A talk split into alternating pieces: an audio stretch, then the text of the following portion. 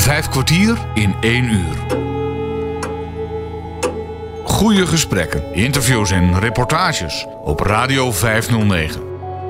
Met gastheren Bas Barendrecht en André van Kwaabegen. Hallo, wees weer welkom. Enige tijd geleden werd er een oogcongres door de Oogvereniging georganiseerd. Het thema hiervoor was de ogen van de toekomst. Dat richtte zich, naast de huidige goede oogzorg, op preventie om verdere oogschade te vermijden als je maar op tijd gediagnosticeerd wordt. Een van de sprekers hier was Koen Kas, hoogleraar moleculaire oncologie. Hij gaf een lezing over hoe hij de toekomst van de gezondheidszorg en zaken die daarvoor ontwikkeld worden ziet. Goedemorgen. Ik ga beginnen met een disclaimer. Ehm, ik kan de toekomst niet voorspellen. Ik kan de toekomst niet zien, hè, pun intended. Maar ik denk wel dat wij samen de toekomst kunnen bouwen. En dat ga ik proberen te tonen. Hoe zou je van een witte pagina eigenlijk opnieuw kunnen beginnen en de vraag stellen of het gezondheidssysteem dat wij vandaag hebben, dat gebaseerd is op genezen, dat we dat omdraaien naar voorkomen dat ik ooit ziek word. dus wat we gaan proberen te doen, niet de toekomst voorspellen, we gaan ze proberen te bouwen. En ik ga drie dingen proberen te vertellen, die ik in elkaar ga weven. En daarvoor uitleggen dat als mensen mij vragen, ja, maar hoe kijk je dan naar de toekomst? Dan zeg ik vroeger van, kijk, ik kijk naar sci-fi movies, naar science fiction movies. Dit is een science fiction movie, dit is Wally. En in Wally lopen mensen, of zitten mensen, urenlang in een stoel te kijken naar Netflix en een robotje, Wally, brengt hen soda. En die mensen worden allemaal obese. Die toekomst hebben we nu bereikt. Er zijn twee belangrijke verhalen aan dit. Ten eerste, die mensen die obese worden, die krijgen suikerziekte. En die worden blind. En die krijgen dus diabetes retinopathie. Door dit te tonen, heb ik eigenlijk een wapen om aan mensen te gaan uitleggen van, wil je blind worden? En met dan nooit zegt iemand van, mm, kijk je naar uit. Dus kan ik gaan nadenken om iemand te voorkomen dat hij zelfs maar die obesitas en die immobiliteit krijgt. Dus zouden we mensen kunnen gaan motiveren om bijvoorbeeld te bewegen. Dat is één. Maar een tweede gegeven, als je kijkt naar die rechtse foto, dan zit daar iemand, dat is een echte foto, en die heeft een virtual reality bril op. Die ziet de echte wereld ook niet meer. Dus die is beperkt in zijn zicht. En dat vind ik een fascinerend gegeven. Want dit vind ik een van de mooiste spreekwoorden die ik ken. In het land der blinden is één oog koning. Dus zouden we in het land der blinden mensen iets kunnen aanreiken dat je op zijn minst je leven makkelijker, meer delightful maakt. En dat vind ik een heel belangrijk punt. Gezondheid is meer dan de afwezigheid van ziekte, right? Ik ben geboren met een handicap. En dat wil niet zeggen dat ik niet het maximum uit mijn leven kan houden. Dus misschien is het hoogste dat je kunt bereiken, is episch worden. En daar wil ik jullie straks mee naar huis sturen. Hoe kunnen jullie iets geven aan jullie omgeving en jullie mee gaan nadenken om een omgeving te maken waar mensen met een handicap, blind zijn of slechtziend, toch zeggen, ik kan iets en ik heb een leven dat niemand anders heeft, dat episch is, right? Dat gaan we proberen te doen. Nu, ik probeer op veel podia te vertellen over wat er zit aan te komen, hè? wat er binnenkort mogelijk is. En ik heb daar ook hulpmiddelen voor nodig. Hè? En dan moet ik, heb ik filmpjes, en normaal zou het filmpje moeten werken, hoe dat je mensen een brilletje geeft en dat brilletje toont hoe dat mijn wereld eruit ziet als ik staar heb, of dat toont hoe dat het mijn wereld eruit ziet als ik maculaire degeneratie heb, enzovoort, enzovoort. En dan zeggen mensen meestal van wow, wow, wow, wow. Dat heeft echt wel impact. Hè? En die impact van iets niet zien, dat helpt mensen om ook te gaan nadenken of dat je bereid bent om aan dat niet zien iets te doen. En de reden dat ik dat zo vertel is dit. Vijf kwartier in één uur. U kent Toyota. Toyota was tot voor kort een van de grootste autobedrijven op de wereld. En die zijn beginnen nadenken van, wat zijn wij eigenlijk voor bedrijf? Maken wij auto's? Sure. Maar die hebben hun missie aangepast. En de missie van Toyota nu is, wij creëren mobiliteit. En Toyota heeft een team van ingenieurs en die maken toepassingen voor blinden en slechtzienden. Om die toe te laten in de echte wereld te manoeuvreren. Dit soort van armband was een van de eerste, heet de Project Blade. Dat hangt rond mijn hals en dat stuurt mij door mijn klein shockje rechts, links, rechts, links, in welke richting ik moet wandelen. U zult zeggen, dat is dystopie, dat is science fiction. Not kidding. Biped bestaat nu. Dat hang ik rond mijn hals, mij dat heeft ogen en dat stuurt mij in de juiste richting, ondanks dat ik niet zie. Dat kun je wel zeggen, dat is op zijn minst iets dat mij als blinde één oog heeft in het land der blinden. En dan zie je dit soort oplossingen komen. Hè? De blinde geleidestok. Ik heb echt moeten opzoeken of het echt bestaat. Een blinde geleidestok waar dat een alarmknop in staat, waar dat ik door één keer iemand te noemen bel met mijn buddy en de telefoon zit ook in die wandelstok. Dus ik heb niet een telefoon en een wandelstok. Die wandelstok is beginnen nadenken, hoe kan ik delightful zijn? Right? Hoe kan ik frictie uit het leven van mijn patiënt, van mijn klant weghalen? Of dit hier. Ik weet niet hoe dat u een telefoon opent. Met gezichtsherkenning misschien. Maar dit is het openen van uw telefoon door een nummer te bedenken. Hè? Nummer 1, 2, 3, 4.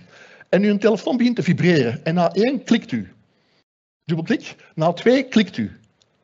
Na 3 klikt u. Dus daar staat maar één knop op die telefoon. Om die te ontgrendelen. Dus nieuwe technologie laat u toe op een manier die niemand anders gebruikt met de wereld om te gaan. Ik denk dat we beter kunnen doen. Hè? En mijn wereld is volledig veranderd toen ik voor het eerst in China een systeem leer kennen, 2500 jaar oud, waar toen de arts betaald werd om mij gezond te houden. En dat ik ziek werd, moest ik niet meer betalen. En ben gaan nadenken, met een heel team, zouden we die wereld opnieuw kunnen bouwen. Wetende dat ik tot dan kankerpatiënten zag, die doodgingen op het eind van de rit. En ik de vraag ben gaan stellen, zou ik meer impact kunnen hebben door kankerpatiënten proberen te blijven genezen, of door na te gaan denken om nooit meer kankerpatiënten te zien. Right? Vandaar komt mijn achtergrond. Ik heb daar een paar jaar geleden een boek over geschreven. Dat boek heette Nooit meer ziek. Mijn denken is ondertussen geëvolueerd, dus niet ziek zijn is niet het hoogste goed, laat dat duidelijk zijn. Maar toen dat boek uitkwam, Nooit meer ziek, toen was optie 1 geweest dat alle artsen en ziekenhuizen zouden zeggen, Koen, daar zijn wij niet in geïnteresseerd, want wij verdienen geld aan ziek zijn. Maar weet u nog wat het eerste uh, fototoestel was dat u ooit had? Was de Kodak, right? En Kodak maakte mooie foto's. En toen gebeurt er iets. Er komt digitale fotografie op de markt, right? Weet u trouwens wat het eerste bedrijf was met een digitale camera? Kodak. Maar niemand kocht dat. En het management zei, verberg die maar op het schap. En zes maanden later was er een smartphone die foto's maakte, die beter waren dan die Kodak. En plots kocht niemand nog Kodak en bestond Kodak niet meer, vier later. Dat moment, het moment dat fotografie digitaal werd, denk ik, gaan we in gezondheidszorg ook meemaken. Het moment dat we digitaal dingen gaan kunnen doen die we vroeger niet konden. En die ons gaan toelaten om in plaats van af te wachten tot u ziek wordt, om als dokter altijd bij u te zijn. En de dag voordat u ziek wordt of een probleem krijgt, dat we het gaan anticiperen. Dat gaan we doen. Voor alle duidelijkheid, wij gaan nog steeds doodgaan. Hè? Doodgaan, beste uitvinding van de natuur. Doodgaan verplicht u om het niet uit te stellen wat u straks wil doen. Doe dat vanavond, niet morgen. Hè? Maar wat we gaan doen, is we gaan proberen jong dood te gaan. Maar zo laat mogelijk. En tot nog toe heb ik nog nooit iemand tegengekomen die daar tegen was. Bas Baardecht bezocht het oogcongres van de oogvereniging waar Koen Kas, hoogleraar moleculaire oncologie, vertelde over de toekomst van de gezondheidszorg. Dus dan komt er zo'n hele wave van dingen die we beyond the pill is gaan noemen. Hè? Wat is er meer dan dat ik u kan inspuiten of een druppeltje kan geven of kan opereren, dat mij toelaat om met digitale innovatie een betere dokter te zijn of een betere zorgverstrekker voor u te zijn. En dan zagen we heel gauw dat het niet zo evident is om een gezondheidszorgsysteem te veranderen. In gezondheidszorg duurt gemiddeld 7 tot 13 jaar eer dat een innovatie landt. En mensen zeggen, ik heb het gisteren ook zo gedaan. Ik ben dat gewoon om dat zo te doen. Innoveren, heel moeilijk. Hè?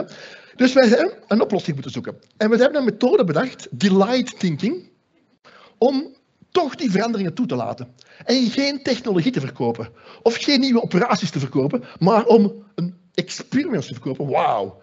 Waarvan mensen zeggen, dat wil ik aan mijn patiënt meegeven. Daar wil ik voor staan. En delighting is het volgende. Dit is mijn verjaardagswenslijst. Als u mij een cadeautje geeft dat ik graag heb, ben ik blij. Maar als u mij iets geeft waarvan ik niet wist dat het bestond, ben ik heel blij.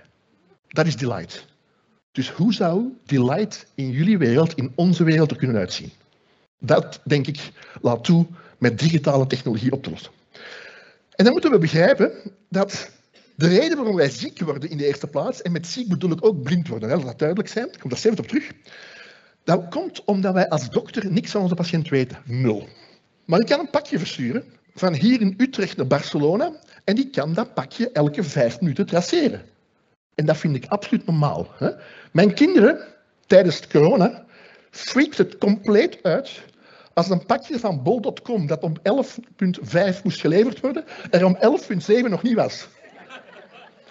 Maar mijn gemiddelde patiënt is 8.750 uur per jaar op zichzelf aangewezen, niet gelinkt aan mij als zorgverstrekker. Dus een DHL bol.com pakje is beter dan u. Dat is niet goed. Dat gaan we proberen te verbeteren. En ik ga daarom een paar dingen introduceren. Ik noem dat beschermengelen. Guardian angels, mooi woord. Om te tonen hoe ik denk dat we die Chinese dokter van 2500 jaar geleden gaan kunnen nabootsen, alleen digitaal.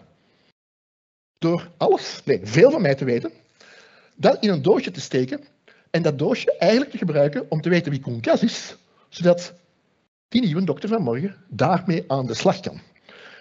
En die een digitale tweeling of avatar, een avatar, wat is een avatar?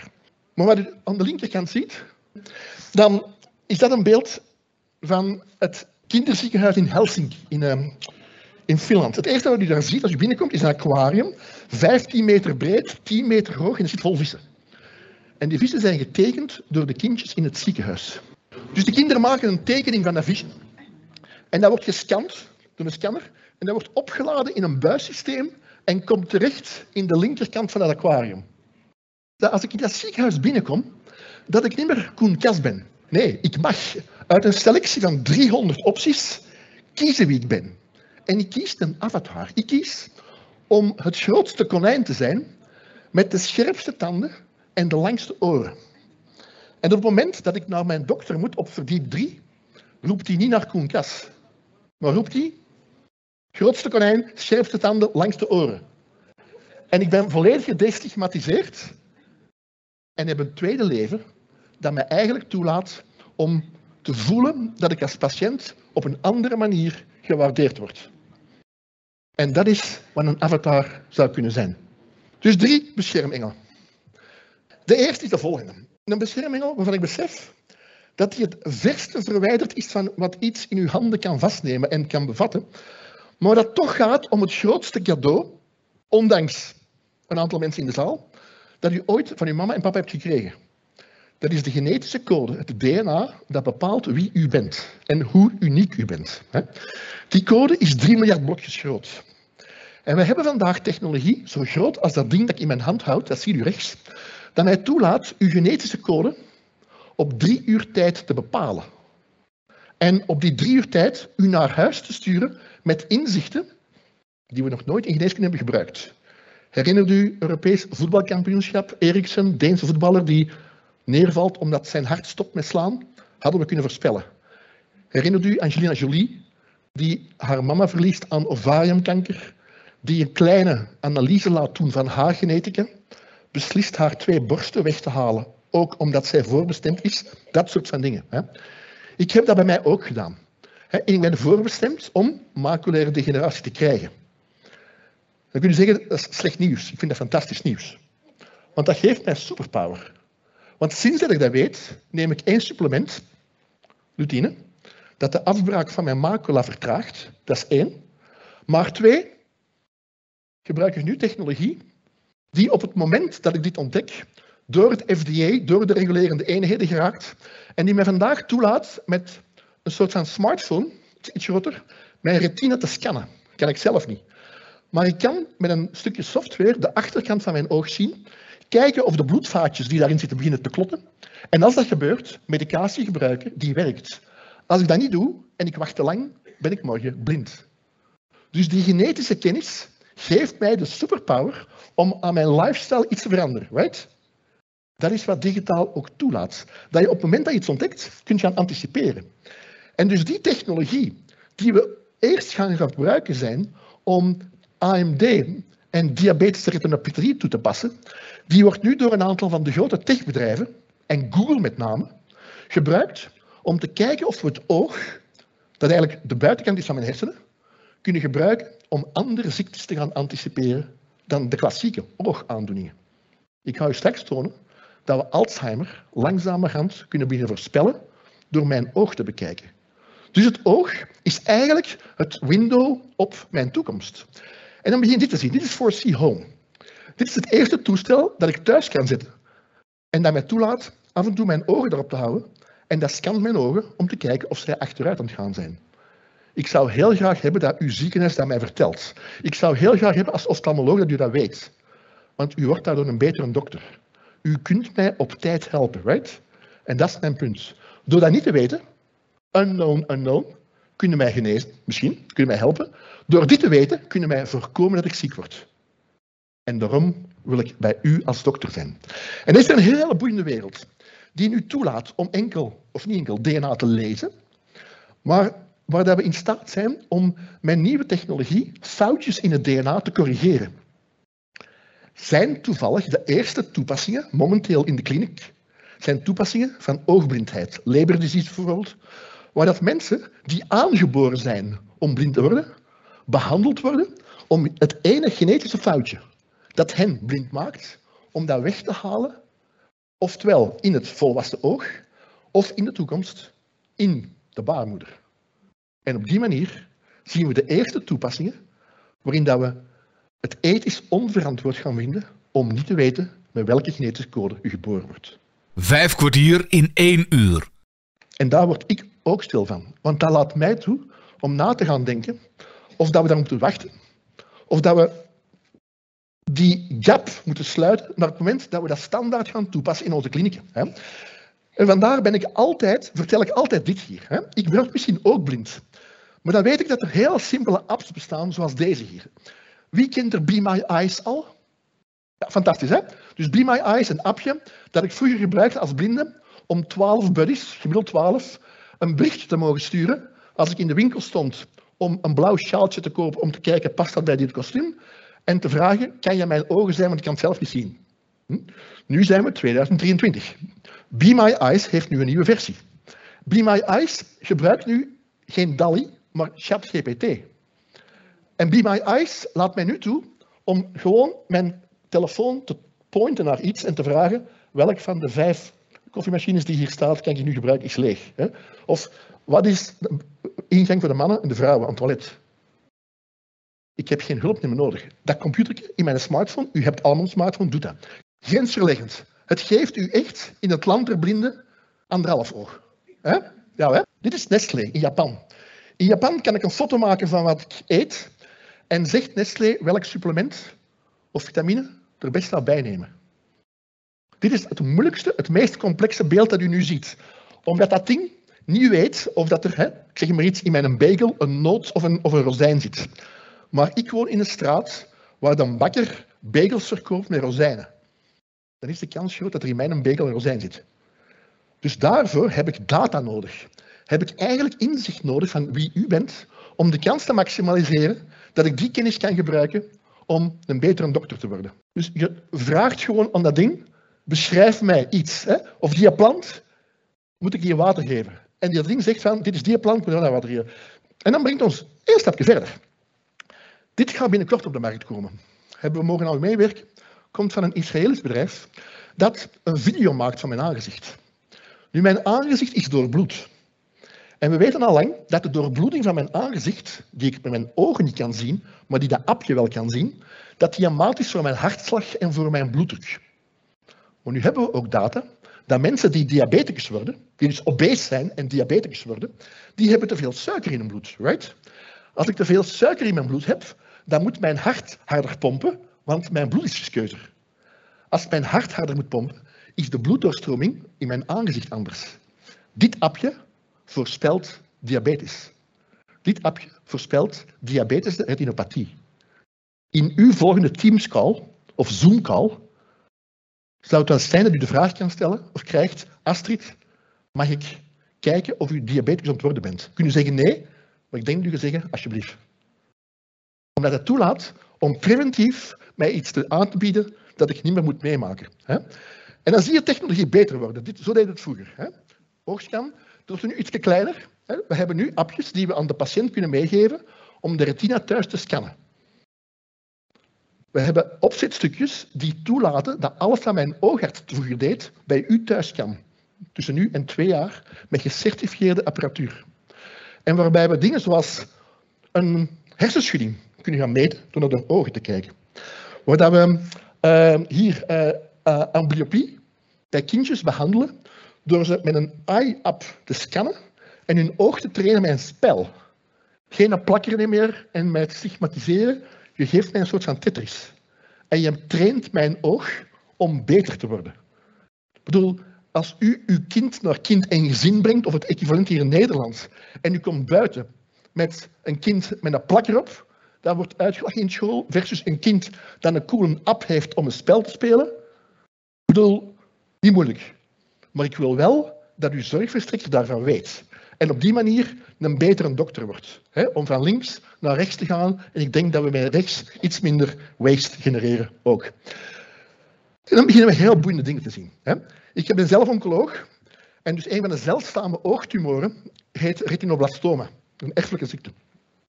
Nu, het hele raar is dat mensen die dat hebben, of kindjes, die hebben een witte weerspiegeling in het oog. Klein wit vlekje. Weet hoe dat men dat ontdekt heeft? Of ziet dat dat kan anticiperen? Omdat men in foto's van die kinderen witte vlekjes zag in de ogen. je ziet soms rode vlekken, die kunnen weghalen, dat is de reflectie, maar die hebben witte vlekjes. Dus plots is een foto, een familiefoto van mijn kind, een manier om ziektes op te sporen. Op die manier word ik eigenlijk een betere dokter. Want ik kan 24-7 data gaan verzamelen om eigenlijk te gaan anticiperen. En om ervoor te zorgen dat u die dingen niet moet onthouden, beheren wij met ons team, wij heten Health Scouts, een website van alle gecertificeerde health apps. Het zijn niet zoveel, een paar honderd maar.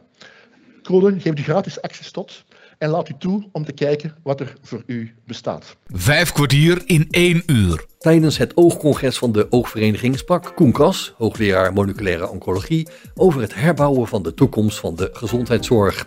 Hij stelt dat de toekomst ligt in het ombouwen van het huidige gezondheidssysteem, dat gebaseerd is op genezing, naar het juist voorkomen dat je ziek wordt. Straks spreekt Bas Baardrecht nog met een aantal bezoekers van het Oogcongres, maar eerst gaat professor Koen Kas verder over de toekomst van de gezondheidszorg door gebruik te maken van de data die van de mens, onder andere via het oog, beschikbaar gemaakt kan worden. Op Radio 509. Nu heb ik al verteld dat we het oog uiteraard gebruiken in de context van oogheelkunde, maar dat toevallig het oog de buitenkant van mijn hersenen zijn. En dat het daarom niet zo onlogisch is dat mental issues en dat hersenafwijkingen, zelfs Alzheimer, lijken meetbaar te zijn in het oog. En we dus neurologen langzamerhand op een nieuwe manier naar het oog zien beginnen kijken, die toelaat dat je ook nieuwe businesses maakt. dit is Retina Service as a Service.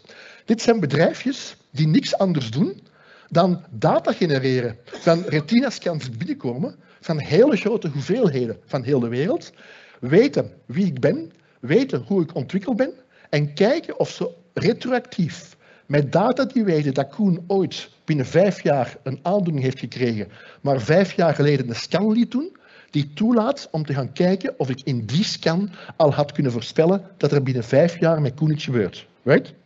En dat laat toe dat we langzamerhand beginnen na te denken over dit hier. Waar moeten we die data halen? Hoe verzamelen we die? Als u naar Amerika rijdt of vliegt morgen, dan passeert u de customs, de douane, right?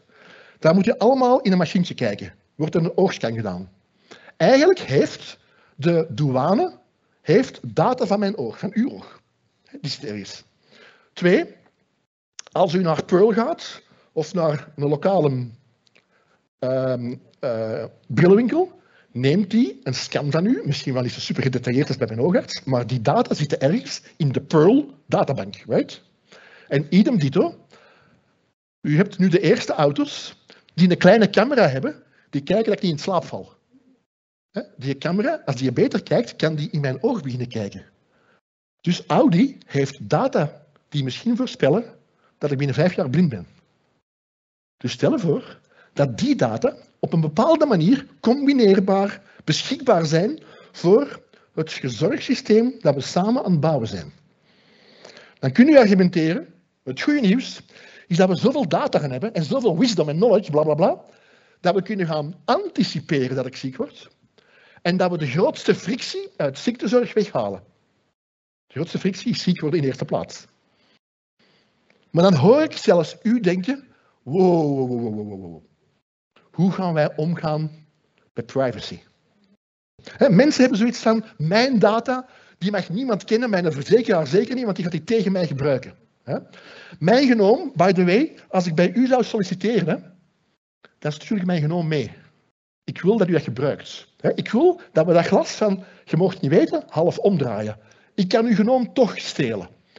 Het glas dat u stevens drinkt, ik kan met mijn vinger rond dat glas gaan en daar heb ik genoeg materiaal aan om dat DNA. Hm? Dus laten we een keer open denken. Hè? Wie van u wilt vertellen waar hij morgen om drie uur is? Aan mij. Vijf, zes, zeven handen. Dat is niet veel. De meerderheid van u denkt, Koen, jongen, dat zijn uw zaken. Is er toevallig iemand van jullie in Disneyland geweest? De laatste jaren, in de States. Oké.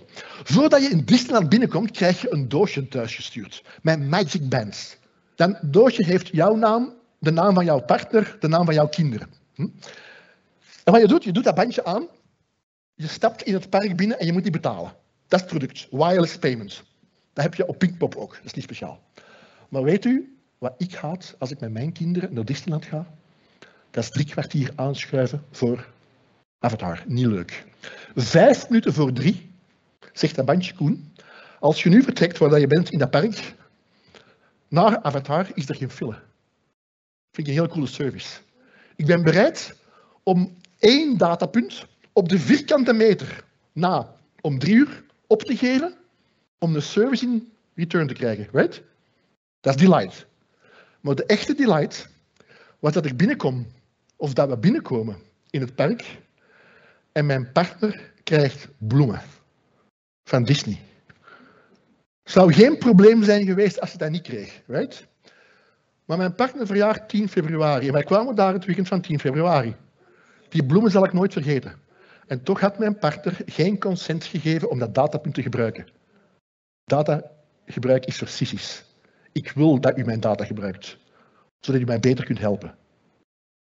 En zo gaan we een wereld bouwen, waarin dat we door trust te genereren in staat zijn om wat Airbnb vandaag doet. Airbnb laat u toe uw appartement te verhuren aan iemand die u niet kent, dat is die man daar, die vanavond de sleutels heeft van uw huis en in uw bed slaapt. Based on trust. Dat toelaat dat dit gebeurt. Dit links, excuses opnieuw, want dat is een beeld. Um, links is San Francisco.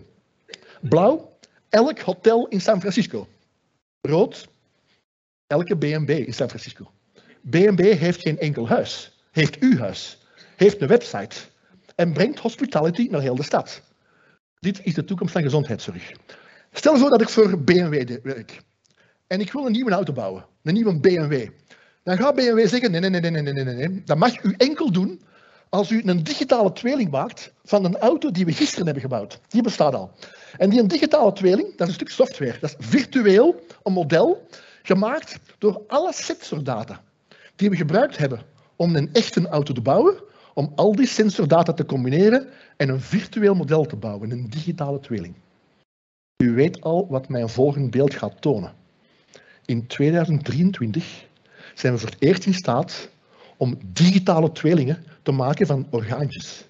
Om langzamerhand een virtueel model te beginnen bedenken van de mens. En dan je denken, dat gaan we toch nog niet doen? Wel, dat gaan we wel doen. Een van de key universiteiten hier in, in, ehm, in, uh, in Twente was daarmee voortrekker van.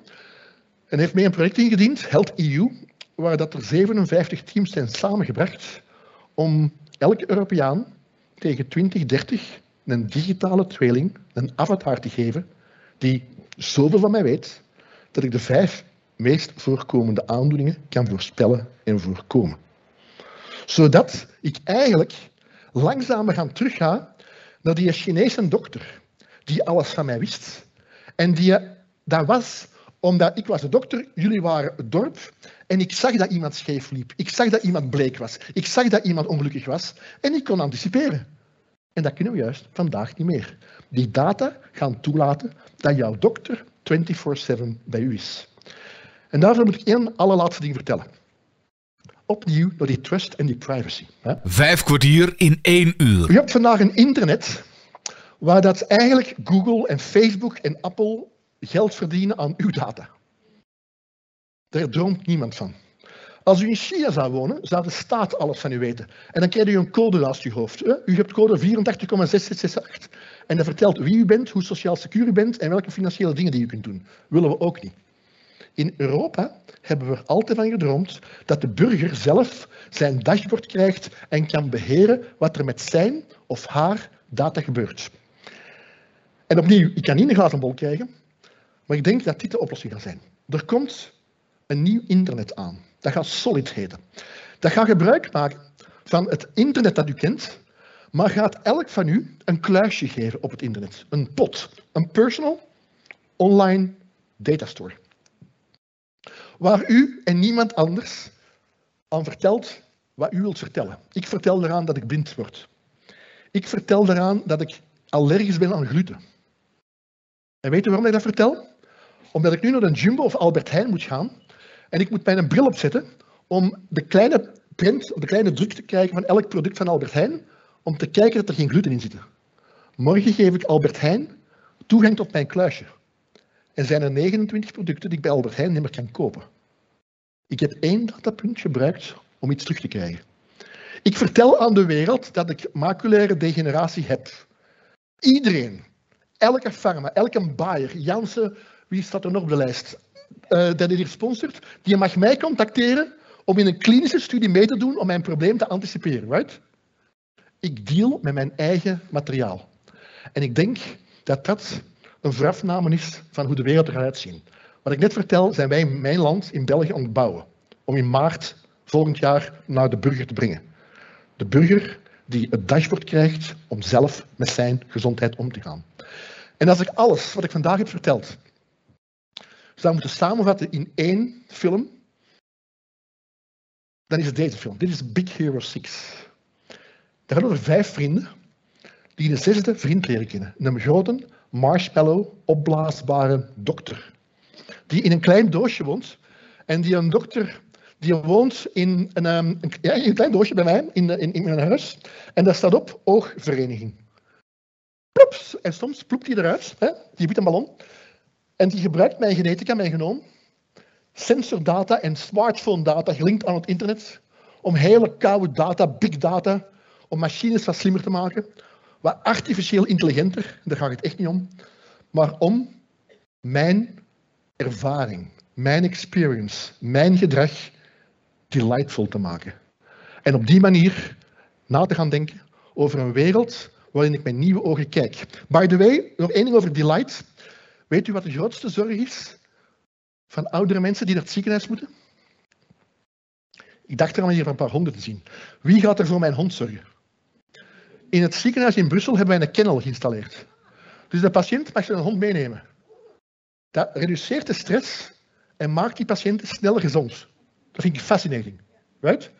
En als ik dat mag, ik weet niet dat ik over mijn tijd ben, mag ik nog drie minuten? Ja? Ik wil één ding vertellen. Dus ik ben ook bang van blind te worden. Dan vraag ik me soms af van, als de wereld dan toch zo snel beweegt en ik word blind, ga ik dan mijn ogen gewoon laten vervangen? Of zou het beter kunnen? Zou ik mij kunnen versterken, augmenten? En je zou kunnen argumenteren dat iemand die een bril draagt het al doet. De natuur zegt van, je moet niet meer goed zien. Die een bril versterkt u al. Oké. Nu, een paar jaar geleden, drie jaar geleden, net voor corona, hadden wij de luxe om het volgende te mogen doen. Wij hebben in, um, in, in Leuven, in het midden van België, een ruimte die heet Health House. En daarin tonen we nieuwe technologie van de toekomst. En we hadden de Surgeon Generals van de NATO op bezoek. België is het hoofdkantoor van de NATO. Was de jaarwissel, het nieuwe kantoor ging open. En dus elk land, 27, stuurde zijn een uh, Surgeon General af. Die mannen hier onwaarschijnlijk veel medailles. Dat gaat vooruit van, we halen die medailles. Eigenlijk zouden we ook medailles verdienen. Um, en we gaven al die mannen een bril om naar een soort van 3D-film te kunnen kijken om iets uit te leggen. En de reden dat ik dat vertel, die mannen zijn allemaal van, oh, we hebben allemaal boeiende technologie. En, en die grootste vraag was eigenlijk, hebt u weet of dat men in China, een land waar men met een aantal dingen minder nauw neemt, hè, waar dat al genetisch gemodificeerde babytjes zijn geboren, hun belangrijkste vraag was van, weet u al of men in China supermensen aan het maken is. Die dus meer kunnen dan andere mensen. Die dus bijvoorbeeld kunnen zien omdat er technologie is ingeplant. Die bijvoorbeeld ook infrarood kunnen zien of UV kunnen zien. Die dus dingen kunnen die niemand anders kan en die dus bijvoorbeeld een soldaat zouden kunnen zijn die op een veld warmte meet en zo kan schieten. By the way, u kent Messi, hè? De voetballer Messi. Weet u waarom Messi een goede voetballer was? Dat is toch een boeiend verhaal, hè? Die heeft een oogaf... Die had, ja, die altijd, heeft altijd een oogafwijking. Wij zien 170 graden, die ziet 230 graden. Dus die zag meer, die zag dat hij aan bal vandaag ging komen. Dus die gebruikt een handicap om epic te zijn. Dus we zien nieuwe technologie op ons afkomen die geen brilletjes meer gebruikt, die geen chipjes meer inplant, maar die biologie begint gebruiken. En die in staat is om in mijn oog een stukje biologie te injecteren dat toelaat dat onder licht een aantal receptoren in mijn oog opengaan. En je me eigenlijk terug kan laten zien, gebruikmakend van de natuur, maar technologie om de natuur terug in mijn zieke oog binnen te brengen. En dat vind ik fantastisch om mij af te sluiten. Want ik weet opnieuw niet hoe de toekomst eruit ziet. Hè? Maar je ziet wel dat er hè, supermuisjes zijn die night vision hebben. En die dus met nieuwe technologie dingen kunnen die ik nog nooit heb gekund. En je ziet bedrijfjes ontstaan, of acceleratoren, onder andere gesponsord door Bayer, hè, die op zoek zijn naar mensen met nieuwe ideeën om technologie beter te gebruiken, om het leven van mij als slechtziende of blinde beter te maken. En met dat wil ik u naar huis sturen. Blijf niet of zit nooit aan de kant waar u enkel moet ontvangen. U bent best geplaatst om de toekomst te genereren. Want u hebt zoveel ervaring die ik niet heb, die mij toelaat om uw brein, uw hersenen, te gebruiken om samen een wereld te bouwen waarvan we niet wisten dat ze kon bestaan. En ik hoop dat ik u met die idee naar huis stuur. Wat gaat u doen? Om met uw zorgverstrekkers, met uw partner, met uw kind, met uw mama, met uw papa, met uw collega, een wereld te bouwen die delightful is. Dat is de mooiste die je kunt bouwen. Dank u wel. Je hoorde Koen Kas, hoogleraar moleculaire oncologie over de toekomst van de gezondheidszorg. Bas Baarnrecht bezocht voor vijf kwartier in een uur het oogcongres van de Oogvereniging, waar ook heer Kas aanwezig was. En sprak daar met leden en medewerkers van de Oogvereniging. Goedemiddag. Dag. Hoi, hier staat hier je tos in te pakken. Ben jij uh, lid van de Oogvereniging? Ja. Ja? En wat mankeer je aan je ogen? Ik heb glaucoom. Glaucoom? Oké, en ben je hier voor het eerst? Ja, hier natuurlijk misschien wel, maar... Nee, ik ben al meerdere keren op oogcongressen en diverse bijeenkomsten. Ook eerder van de glaucoomvereniging en nu van de oogvereniging geweest. Ja, ja, ja. Wat vind je ervan, van deze dag? Nou, ik vond het wel uh, verschillende zeer interessante verhalen, ja. Waar ben je geweest? Uh, nou, de, de, de, presentaties van vanmorgen natuurlijk. Ja. En uh, ook vanmiddag heb ik steeds in deze zaal gezeten, want ik heb glaucoom. Het ging hier voortdurend over glaucoom. Dus glaucoom is voor mij ja, daar het, kom jij het, voor. het onderwerp. Ja, ja natuurlijk. Ja, ja, ja, ja, ja, Nee, ik was ook getriggerd door datgene wat de orde, aan de orde zou komen vandaag. En hoe ga je om met glaucoom? Ja, hoe ga je om met glaucoom? Ik heb het al ruim 30 jaar, dus dan weet je zo langzamerhand wat je, wel, wat je wel kunt en wat je niet kunt. En dat is, uh, dat, dat, dat, is, dat is het vooral. Je moet, je moet leren um, hoe, hoe ik me moet gedragen om zo weinig mogelijk last van mijn ogen te hebben. Ik zorg er bijvoorbeeld voor dat hier aan de rechterkant niks is, want dan moet ik steeds heen en weer kijken en dan krijg ik last van mijn ogen. Ja. ja. Dus, je, je, je, moet eigenlijk een beetje in het midden kijken. Nou, links, links mag ook mee. Ik moet ervoor zorgen dat mijn ogen niet te ver hoeven te bewegen, want dan krijg ik daar last van. Waarschijnlijk ook een, een bijeffect, een na-effect van de oogoperatie die ik heb gehad. Ja. Er zit wat vervorming op die oogbol Ja. en dan gaat het oog gewoon zeer doen. Ja, oké. oké.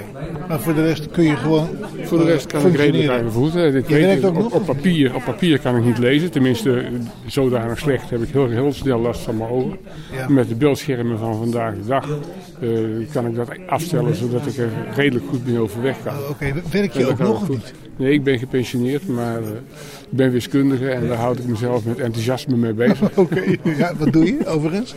Nou, ik doe wat uh, puzzeltjes voor mezelf. Dus verder niks, niks, uh, ja, gewoon, puzzel, gewoon niks, puzzeltjes. niks revolutionairs. Ja, wiskundige problemen oplossen. Oké, okay. leuk joh. leuk. Zo houd ik mezelf in leven. ja, ja. Maar niet, zonder niet met problemen. Nou ja, goed, ik heb problemen, maar daar kan ik wel mee leven. Maar daar maak je geen problemen van? Nee, precies, zoiets. Ja. ja, ja. Hoe lang werk je al bij de oogvereniging? Oh, vanaf 2011 alweer. Oké. Okay. Heel lang. heel lang. Ja, ja, ja. En is, het, is het leuk op de ooglijn? Oh ja, zeker. Ja. ja? Uh, never a dull moment. Uh, het is, um, wat het mooie is, is dat je elke keer andere mensen uh, spreekt met hele eigen en unieke vragen in, in hele diverse levensfases ook. Ja. Um, de, de hoofdmoot van de vragen die wij krijgen is medisch van aard. Hè, dus uh, dat gaat echt over de oogaandoening, behandelmogelijkheden, maar ook, ja, ik heb een diagnose. Ik sta na vijf minuten weer buiten, maar wat, wat is dat nou eigenlijk? Ja. Dat is uh, wat we ook veel krijgen. Ik ja. uh, werk voor de MD en ja. ik merk toch wel dat mensen vaak niet door durven te vragen. En Klopt. dat vind ik wel een, een, een negatief punt die mensen bij zichzelf moeten zoeken. Ja, maar er zit wel meer achter, denk ik. Hè? Soms dan uh, komen de vragen pas in je hoofd als je buiten staat. Ja.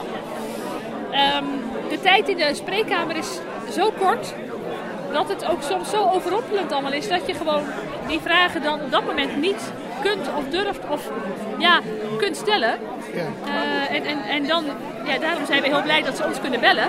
Ja. En dat wij de klant op weg kunnen helpen. Of, of de klant kunnen helpen van hoe ga je nou de volgende keer bij de oogarts wel die vraag stellen. Ja, ja, ja. ja. je hebt het uh, beduidend druk gezien worden bij de ooglijn, denk ik, in de loop uh, der tijd.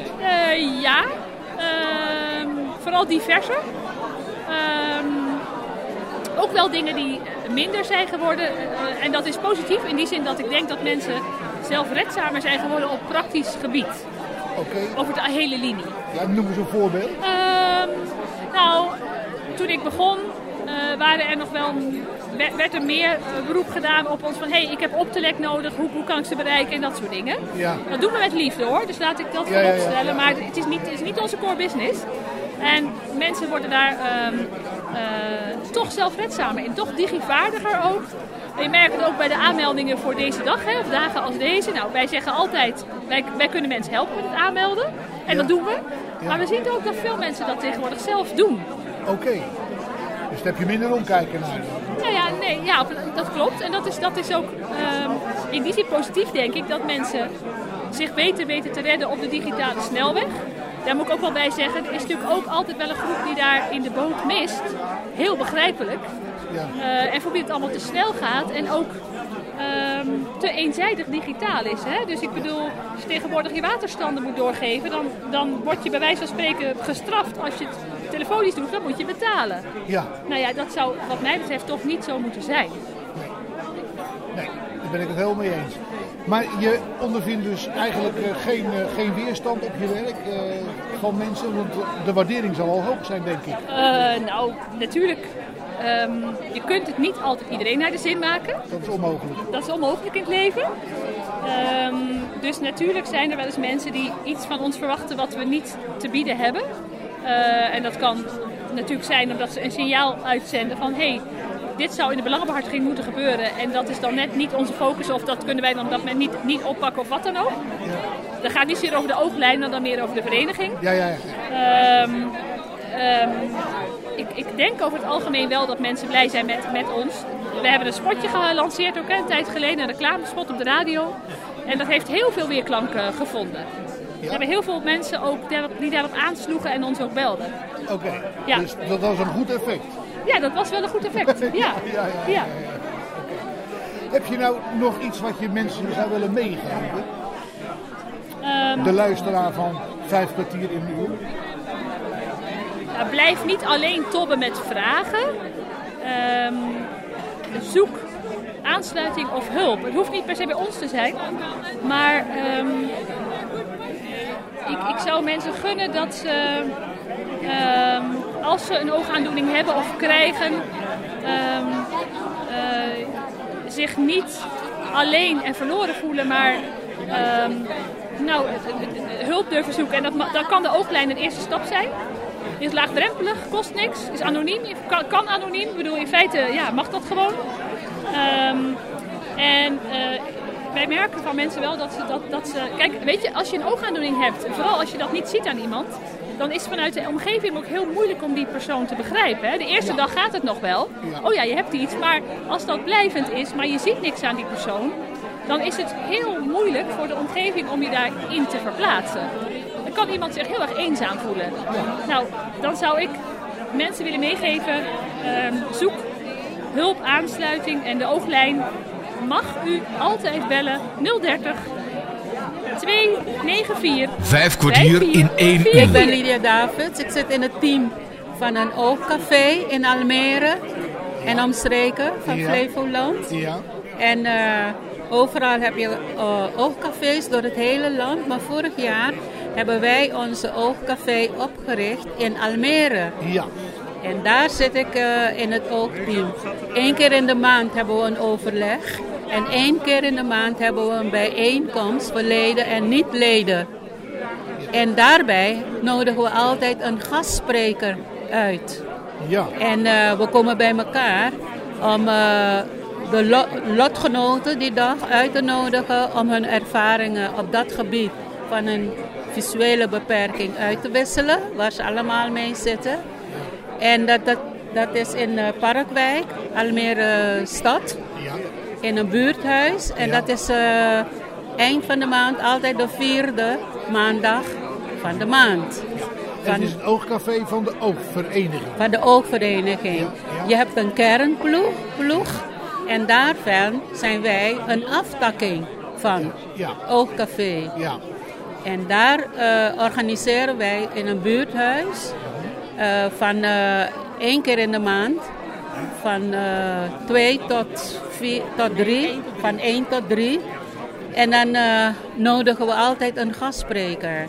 we hebben al. heb je gehad? Ja, we hebben fysio gehad. Die kwam vertellen uh, wat voor hulp ze kunnen aanbieden op visueel gebied, beperkingen, qua uh, hulpmateriaal en andere hulpaanbiedingen die ze voor ons hebben. Ja, ja.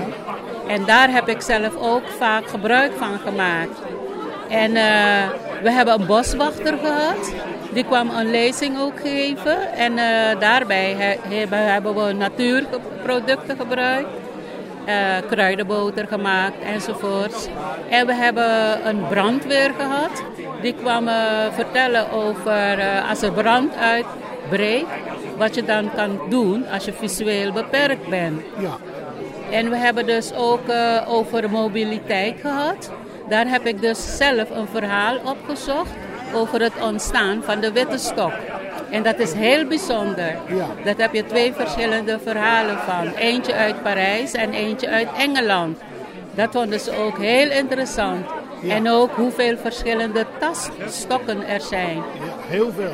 En, en, ook maar, met, met rolpunt tegenwoordig. Hè? Ja, ik heb er eentje met de roller. Ja. Maar uh, je hebt ook eentje dus in het begin met een, alleen maar tasten.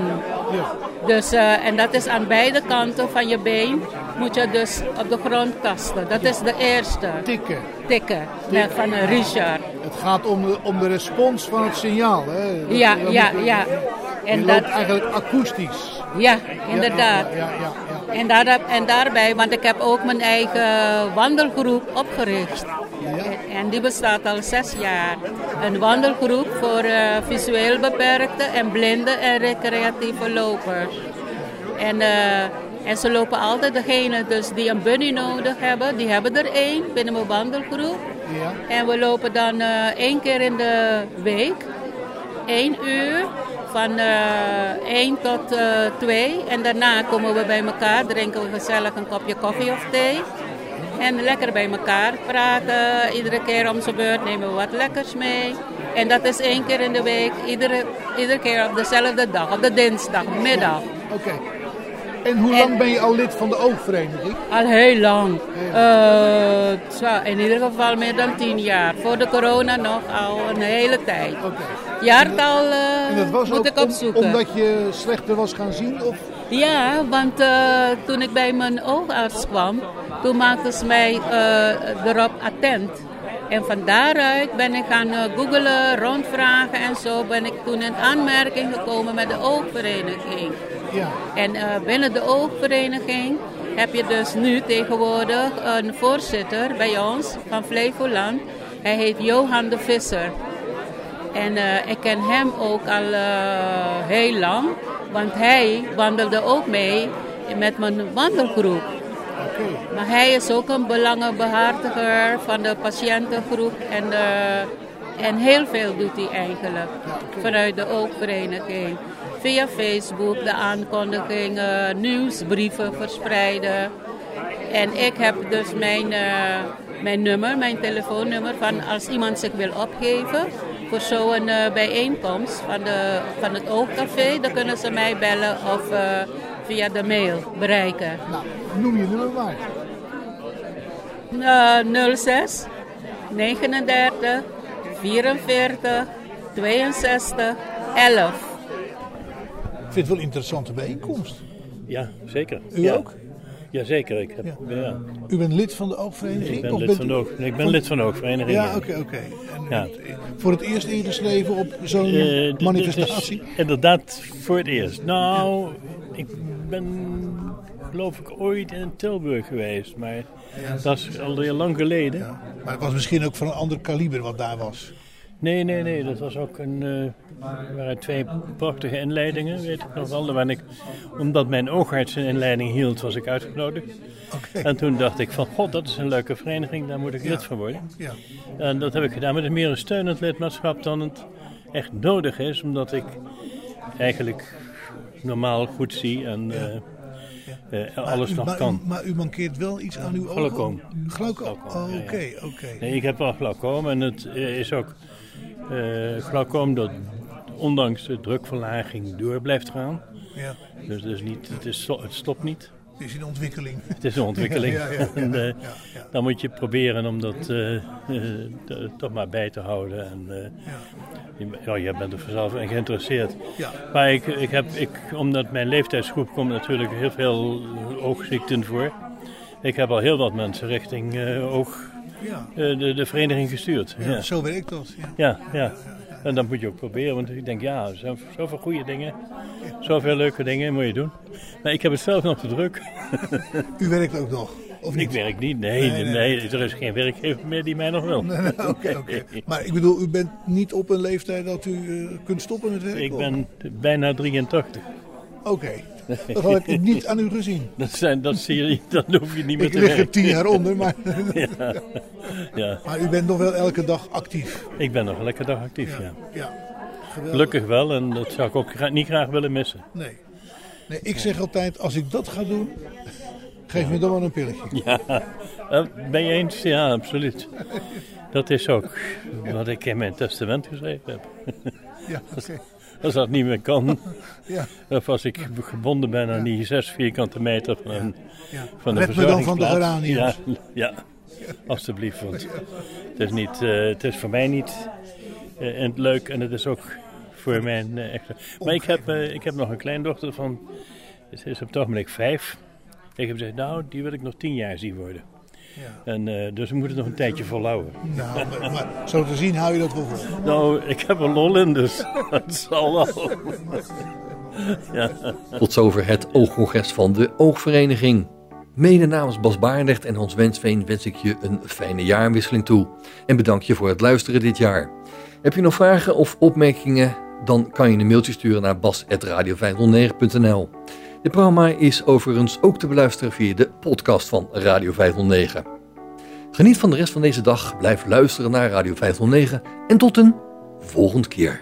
Vijf kwartier in één uur is een programma van Bas Barendrecht. Techniek André van Kwaabegen.